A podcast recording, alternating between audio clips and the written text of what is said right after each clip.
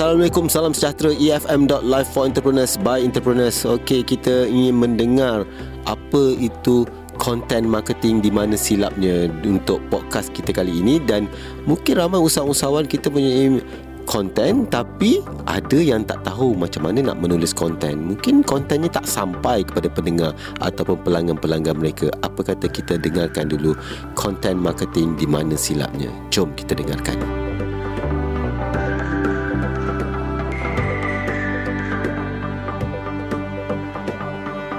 Tetamu kita yang kita bawakan di studio EFM ini iaitu Mr. Javendra Kumar. Apa khabar? Cuba bunyi sikit. Hai, okey. Ha. Yes. Yeah. yeah, itu dia. Ha, seorang usahawan yang banyak banyak dia boleh buat. Ha, dia boleh bisnes, dia boleh buat apa tadi tu? Beatbox. Beatbox. Ha. Dan dia boleh juga bercakap. Alright. Okay, saya nak panggil Javon.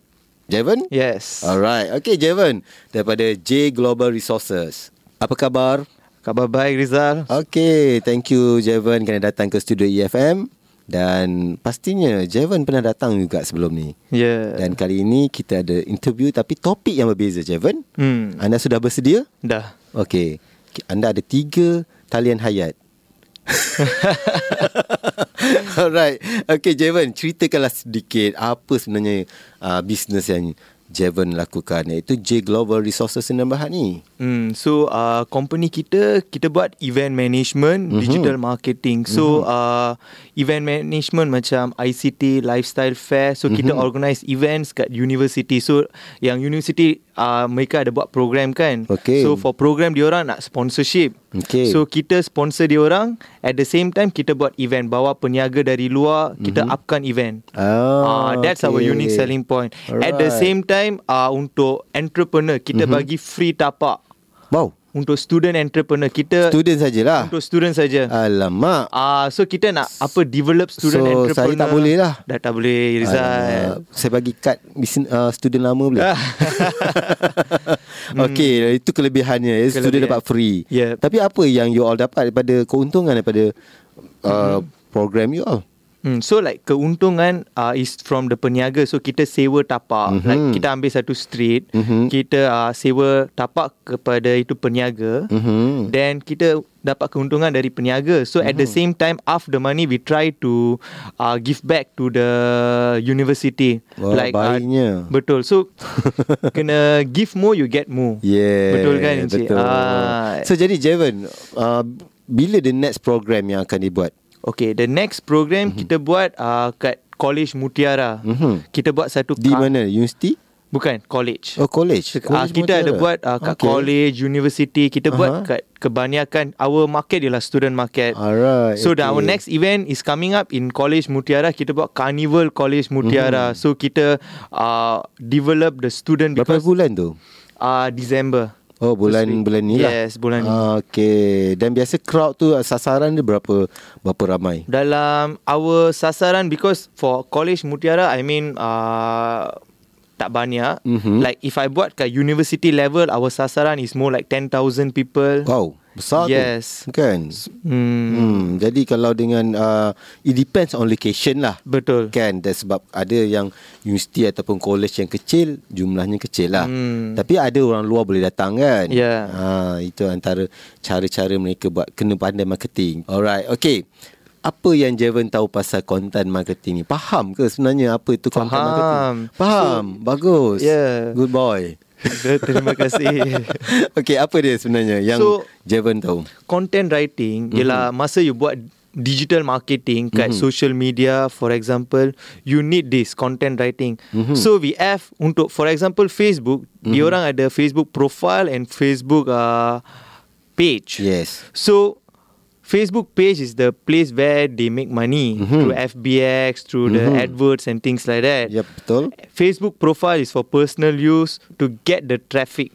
Betul. Betul. Mm-hmm. So selalunya orang they nak buat promotion they use the Facebook profile. Yeah, Betul. dia pergi personal. They go personal. Tapi uh, mereka buat promotion tak reach banyak orang. Betul. Why? Mm-hmm That is because of content writing. Betul. So for business, usually you kena ada Facebook page Mhm. because like for example, kat Facebook profile you buat promotion, you Mhm. buat tarik, you buat one, it won't reach people. Mhm. People don't know that they have this robot AI, Mm-hmm. artificial intelligence. It will detect oh these people is trying to promote, so it won't reach the people. Betul. Betul. So Setuju, content setuju. writing Mhm. should be something like you you kena story. You can kena come up with a story. How you started kena have a personal touch like your Mhm. story that will reach people. So selalu you buat promotion in Mhm. social media you kena play with a story, content writing. Yes. And selalu masa you nak you nak buat tulisan you buat kat Microsoft. Mhm. You write maybe a 30 words to 100 words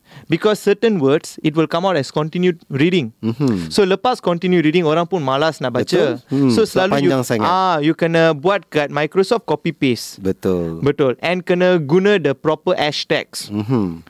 Okay? Yes. Like for example Insta, Mhm. you go and find the current trending hashtag, you hashtag Mhm. and you link the Insta dengan Facebook. Mhm. So that is social media marketing. Mhm. Content writing is very important because it engage people. Betul. You know, you tell a story. You Betul. and selalu orang like something to viralkan. Yeah. So how you viralkan your your business? Mhm. Our few of our events pergi viral. Mhm. It's Dan be- mencapai. Dan mencapai target. It's Mhm. because of content writing. Kita main dengan that words, make it feel like if they never come, they are in loss. You know, you know something great. So Mhm. content writing is so important. Kita kena master. It's a Mm. course on its own. Betul. Kadang-kadang ada orang silap tak faham. Bukan saja tak faham kadang dia tahu tapi Mm-mm. dia membuat konten marketing yang tidak relate ataupun tidak sampai kepada pen- pembaca, kepada pengguna-pengguna. Mungkin ada kesilapan-kesilapan di mana yang biasa mereka buat tapi tak sedar. Apa Hmm. pandangan daripada Javon? Bagaimana apa kesilapan yang selalu dilakukan oleh sebab Javon of course sentiasa membaca juga dekat Facebook iklan-iklan yang dikeluarkan di mana kadang-kadang silapnya seseorang usahawan tu buat konten dia sampai kadang-kadang kita fed up nak baca. Yeah. So like usually for nak buat business you kena understand the fundamental untuk social media. Mhm. So some people dia orang tak tahu they go and use Facebook profile for business. Mhm. That is the place where they get wrong. Betul. Selalu for business you kena kena create a Facebook page Mhm. because kat Facebook page baru you can target certain people like you nak target this community you boleh target use the Google AdWords you know Mhm. FBX you can target but if Facebook profile dia orang buat promotion it akan reach because when you uh, upload Mhm. the AI will detect Mhm. you know that okay these people is using this uh, platform to promote the business Mhm. so that's the place where people uh, get confused Mhm. eh why ah kita promote tapi kurang like Mhm. uh, Betul? kurang engagement Mhm. because kat profile tapi if you understand content writing Mhm. you play with the content writing tapi at the same time you promote Mhm.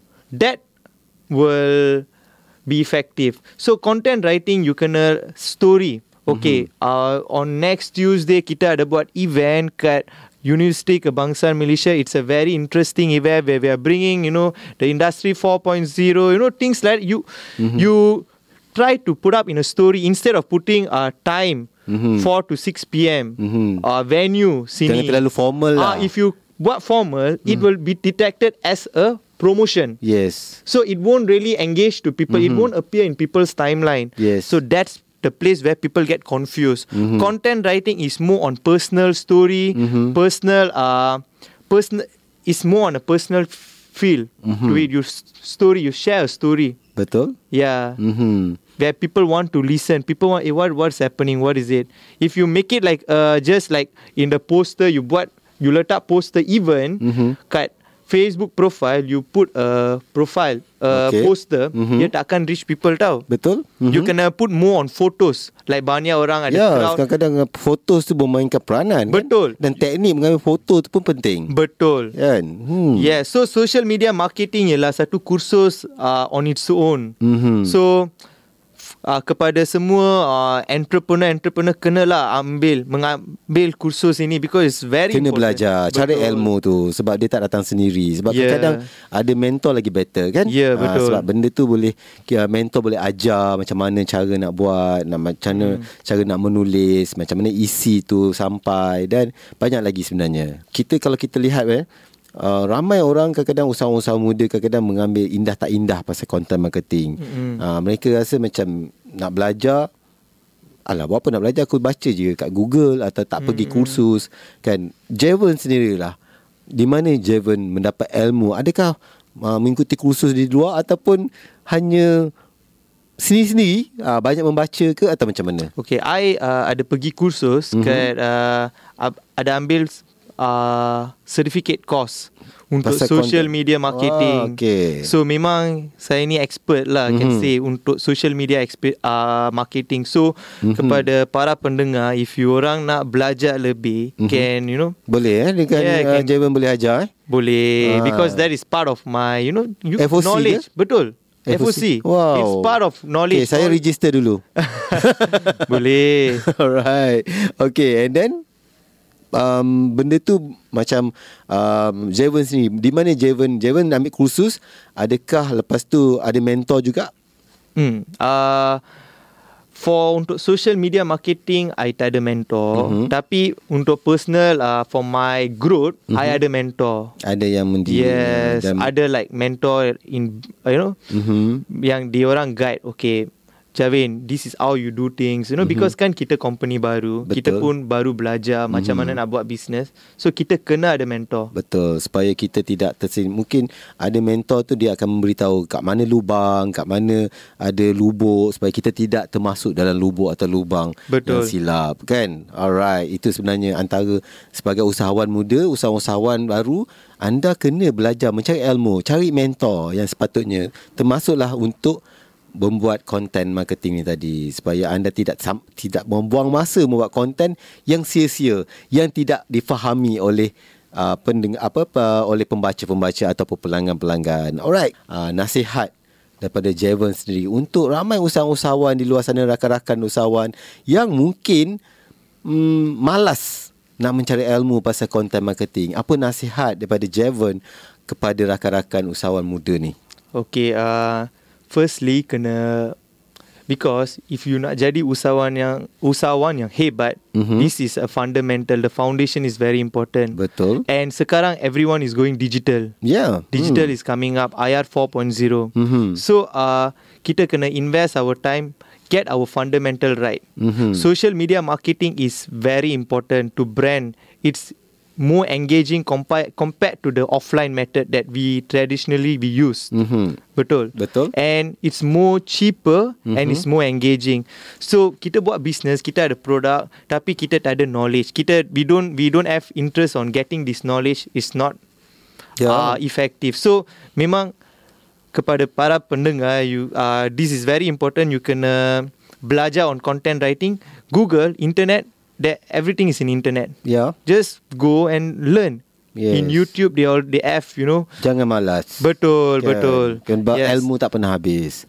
Kan Dan begitu juga pada usahawan-usahawan muda kita Seperti Javon sini Sentiasa belajar Yeah. Dan Still uh, mencari ilmu tu Sebab Yalah dengan perubahan teknologi yang sentiasa up to date dan juga dengan uh, pemikiran pelanggan-pelanggan yang sentiasa berubah sebenarnya kita kena sentiasa belajar tentang contohnya content marketing ni sebab benda tu kadang-kadang berubah ikut Betul. trend kadang-kadang kan Yes. cara penyampaian kita, cara penulisan dan sebagainya. Dan pastinya saya nak tanya soalan yang terakhir lah untuk Javon. Uh, hala tuju bisnes Javon ni ke manakah mungkin 5 tahun akan dibawa untuk J Global Resources ni nak buka lagi besar ataupun macam mana nak pergi grow ke luar negara ke? Ah, mana So tahu. we have a action plan Mhm. mm-hmm. for uh, five years mm-hmm. from now. Uh, we are looking at the global market. So for now, we are tapping all the university. Mhm. Okay, we want to be the student force. Alright. So student who are looking for part-time freelance intern, Mhm. the problem students who are facing, Mhm. we would like to solve it. We cater the student problem, find a solution for them. Mhm. Not only only in the local but in a global market. Yes, So that's where our vision and aim lies on. InsyaAllah Boleh tercapai Jika ada usaha Dan gabungan dengan ilmu yang betul Betul. Jadi ianya boleh dikembangkan. Jangan risau dan saya yakin Javon akan berjaya satu hari dengan apa yang dirancangkan. Dan terima kasih kepada Javon sekali lagi kerana sudi datang ke studio EFM berkongsi dan kita mengupas topik kita pada hari ini iaitu berkenaan dengan content marketing di mana silapnya dan saya doakan supaya Javon akan sukses, bisnesnya akan bertambah maju dan tercapai impiannya. Alright. Terima kasih Riza. Sama-sama. Alright. Itulah podcast Bicara Express yang telah disediakan oleh tim EFM. Teruskan bersama kami di episod seterusnya hanya di efm.live for entrepreneurs by entrepreneurs.